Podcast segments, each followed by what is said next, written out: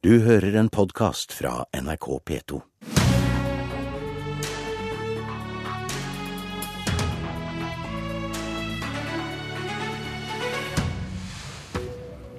Velkommen til Politisk kvarter, Erna Solberg og Jonas Gahr Støre. Én statsminister og én med ambisjoner om å bli det, men forsiktig med hva du ønsker deg, Støre. For utfordringene Solberg har hatt med statsbudsjettet nå, de forsvinner ikke med det første. Men jeg begynner å gratulere deg med borgerlig enighet om budsjettet, statsminister Erna Solberg. Takk, det er hyggelig. Det er et godt statsbudsjett som har fått forbedringer på noen punkter, og eh, ikke minst sørget for at alle fire partier på borgerlig side har fått eh, mulighet til å få gjennomslag for noen av de viktigste sakene sine. Vil du si at samarbeidet mellom de fire borgerlige partiene har blitt styrket den siste uka? Jeg vil si at eh, samarbeidet mellom de fire partiene er preget av det det har vært hele tiden, nemlig at vi forsøker å finne konstruktive, gode løsninger. Men det er klart at Jeg vet ikke to... helt om du svarte på spørsmålet Jo, men altså, det er klart To partier som har jobbet mye med et statsbudsjett lang tid, og har forelsket seg mye i sine egne, sitter i regjering i sine egne poster, og to partier som ønsker å se annerledes. Det er en tøff runde med forhandlinger. Sånn har det alltid vært for eh, regjeringer som ikke, som ikke har flertallet i regjeringen, men må finne flertallet på Stortinget. Men jeg syns vi har funnet gode løsninger.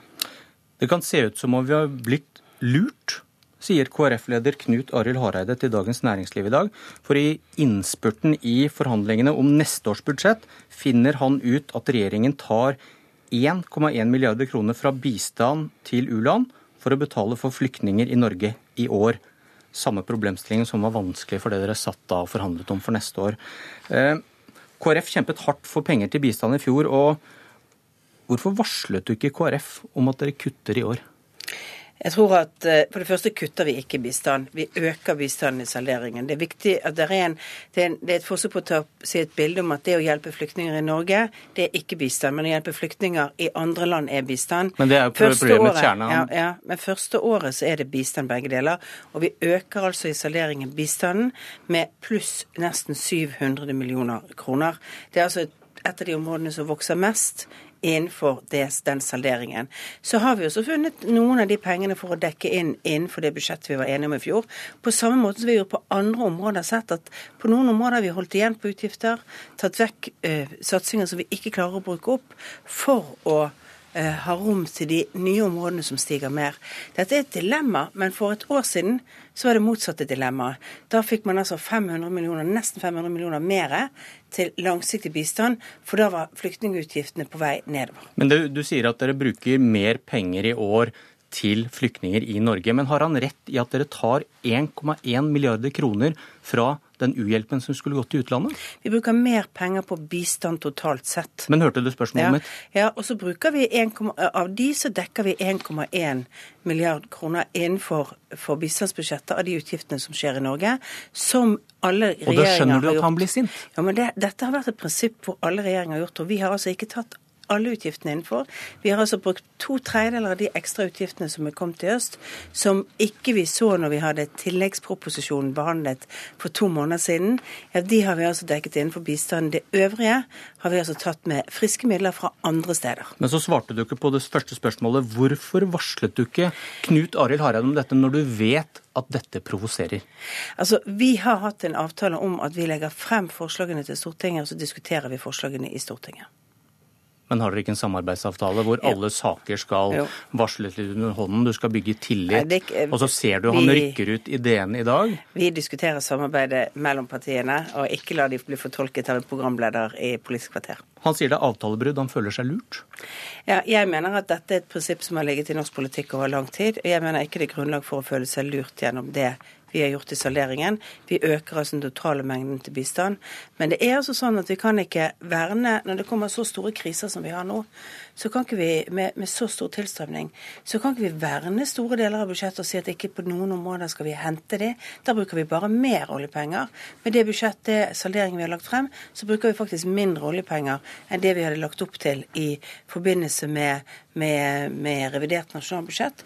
Eh, Og det tror jeg også er et godt signal til de to partiene på Stortinget som har vært opptatt av at vi ikke skulle bruke mer oljepenger.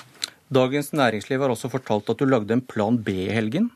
At du forberedte en pressekonferanse om at dere ikke ble enige om neste års budsjett? Altså, øh, Jeg har hele tiden håpet på at vi skulle bli enige om eh, Men neste, års, neste års budsjett. Og så kommenterer jeg ikke spekulasjoner som står i avisen om det. Men jeg har lyst til å si at jeg er en person som alltid har plan B, C og D. Jeg tenker i fremtidige scenarioer, jeg planlegger for de. Det må enhver statsminister gjøre, hvis ikke har du ikke styring. Behovet for å bygge samhold og tillit gjør det kanskje dyrt å lage budsjett. Det borgerlige forliket tar penger fra statlige selskaper, fra ymseposten, som den heter, og bestiller en effektivisering i offentlig sektor for å betale for flyktninger, pensjonister og bistand. Skulle du ønske du klarte å kutte?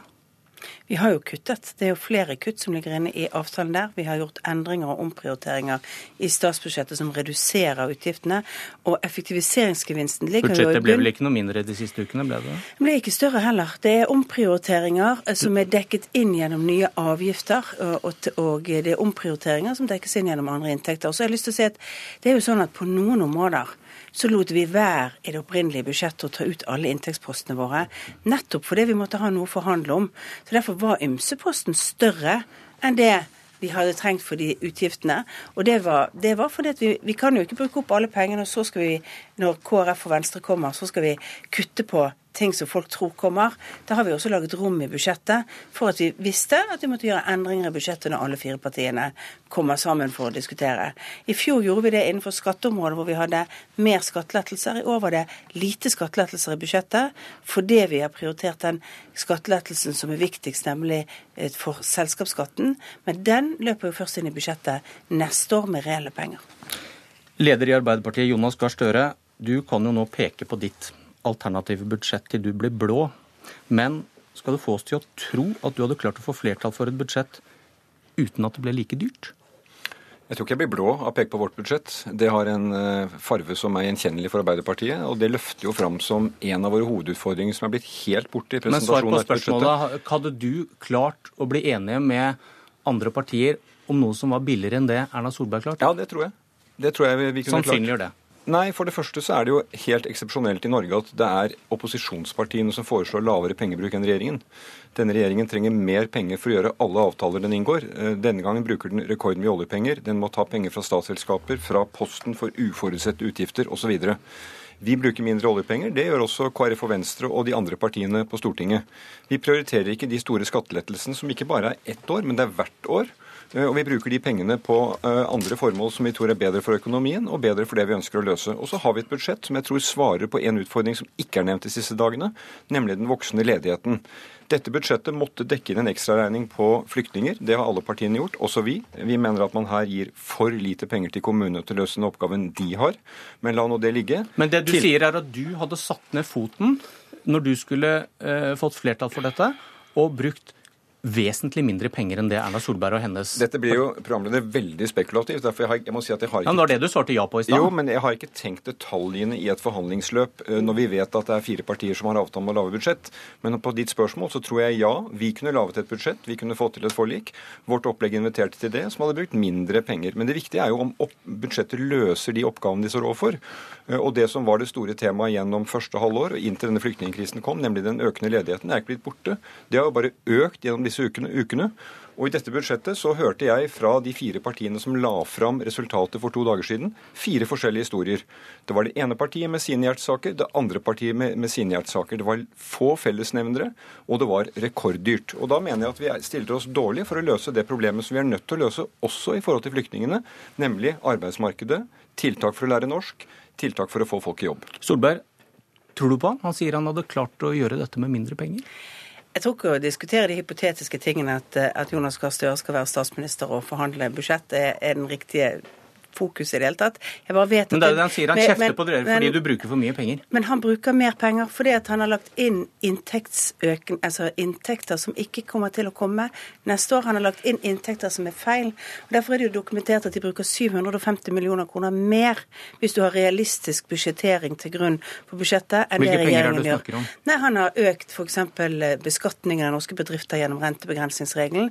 Det er en det, er en, det, er en, renteberegning som kan skje, må skje etterskuddsvis. Det betyr at skal du gjøre de endringene de foreslår, så vil det først ha virkning på 2017-budsjettet, ikke på 2016-budsjettet. Han jukser når han skaffer seg ja, mer penger? Er, jeg kaller det ikke juks, for jeg tror bare rett og slett at de ikke har vært klar over, eller hatt kunnskap godt nok om skattesystemet vårt, og så har de gjort feil i budsjettet.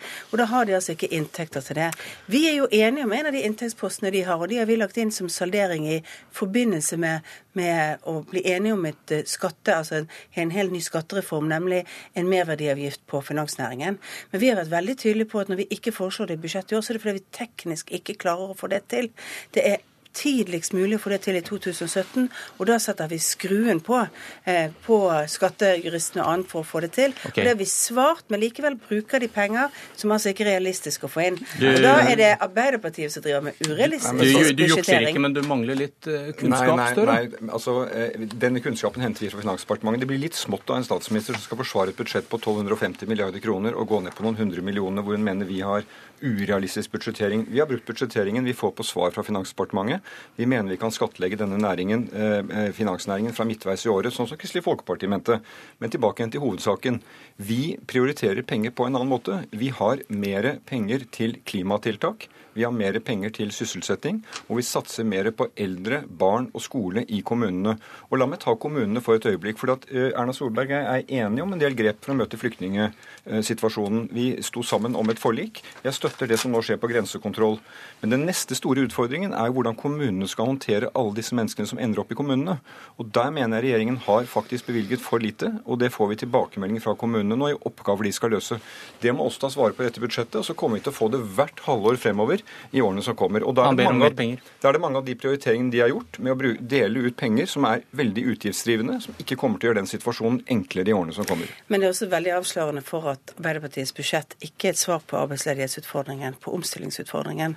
Den omstillingen vi står overfor nå, den arbeidsledighetsutfordringen vi har, for at den ikke skal sette seg fast, for at den ikke skal bli varig fremover, og for og den samme situasjonen for at flyktningene skal bli integrert, så det er én ting vi må gjøre fremover, og det er å skape jobber. og Vi må skape det i privat sektor. Det må være jobber som er i stand til å erstatte de skatteinntektene som Norges høy, mest lønnsomme næring, nemlig olje- og gassnæringen, har gitt oss fremover. Og da, når svaret til Arbeiderpartiet er mer penger i offentlig sektor, så er det feil svar. Men, men, da, vi la, da, da, vi la, frem vårt statsbudsjett, så var overskriften 'arbeid, aktivitet og omstilling'. Når DN spurte massevis av økonomer om vurderingen av det, ja, så lå, lå, svaret på mellom fire og fem. Det var både i forhold til oljepengebruken, i forhold til hvordan dette statsbudsjettet møtte, du, men eh, Arbeiderpartiet sørger for at offentlig sektor vokser uten at de klarer å skape jobber i privat sektor. Men, eh, pengebruk var en slags forsøksvis overskrift her. Og eh, Aftenposten ser dere to inn i øynene i dag, lederne for de to største partiene, og ber om lederskap. Avisa ber dere finne en måte for norske regjeringer å slutte å skyve regningen foran seg, lære å prioritere. Og hvem av dere tar jobben med å holde igjen på de offentlige utgiftene dere nå snakker så varmt om? Det er viktig å holde igjen på offentlige utgifter. Sånn Men det, gjør du ikke? Jo, altså, fordi at Mye av det vi legger opp til, bidrar til omstillinger for å skape private eh, arbeidsplasser som bidrar til å betale skatt i fremtiden. 3 milliarder det? Det, det å ta vare på fremtidige generasjoner dreier seg om også å sørge for at vi har bedrifter i Norge for fremtiden som er i stand til å finansiere offentlig sektor og i stand til å gi våre barn interessante og gode jobber.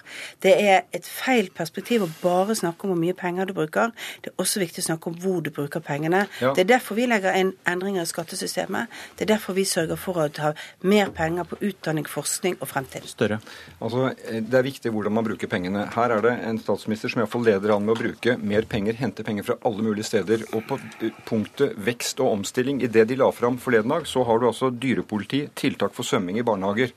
Dette er altså ikke målrettet. Det ikke, går ikke i riktig retning. Men til Aftenpostens utfordring og det du tok opp. Det er helt seriøst. Vi er nødt til å ta det på alvor.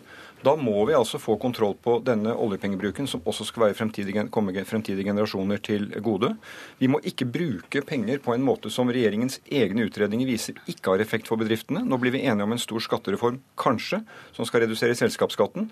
Men det regjeringen har gjort hvert år på formuesskatten, trekker ikke i riktig retning.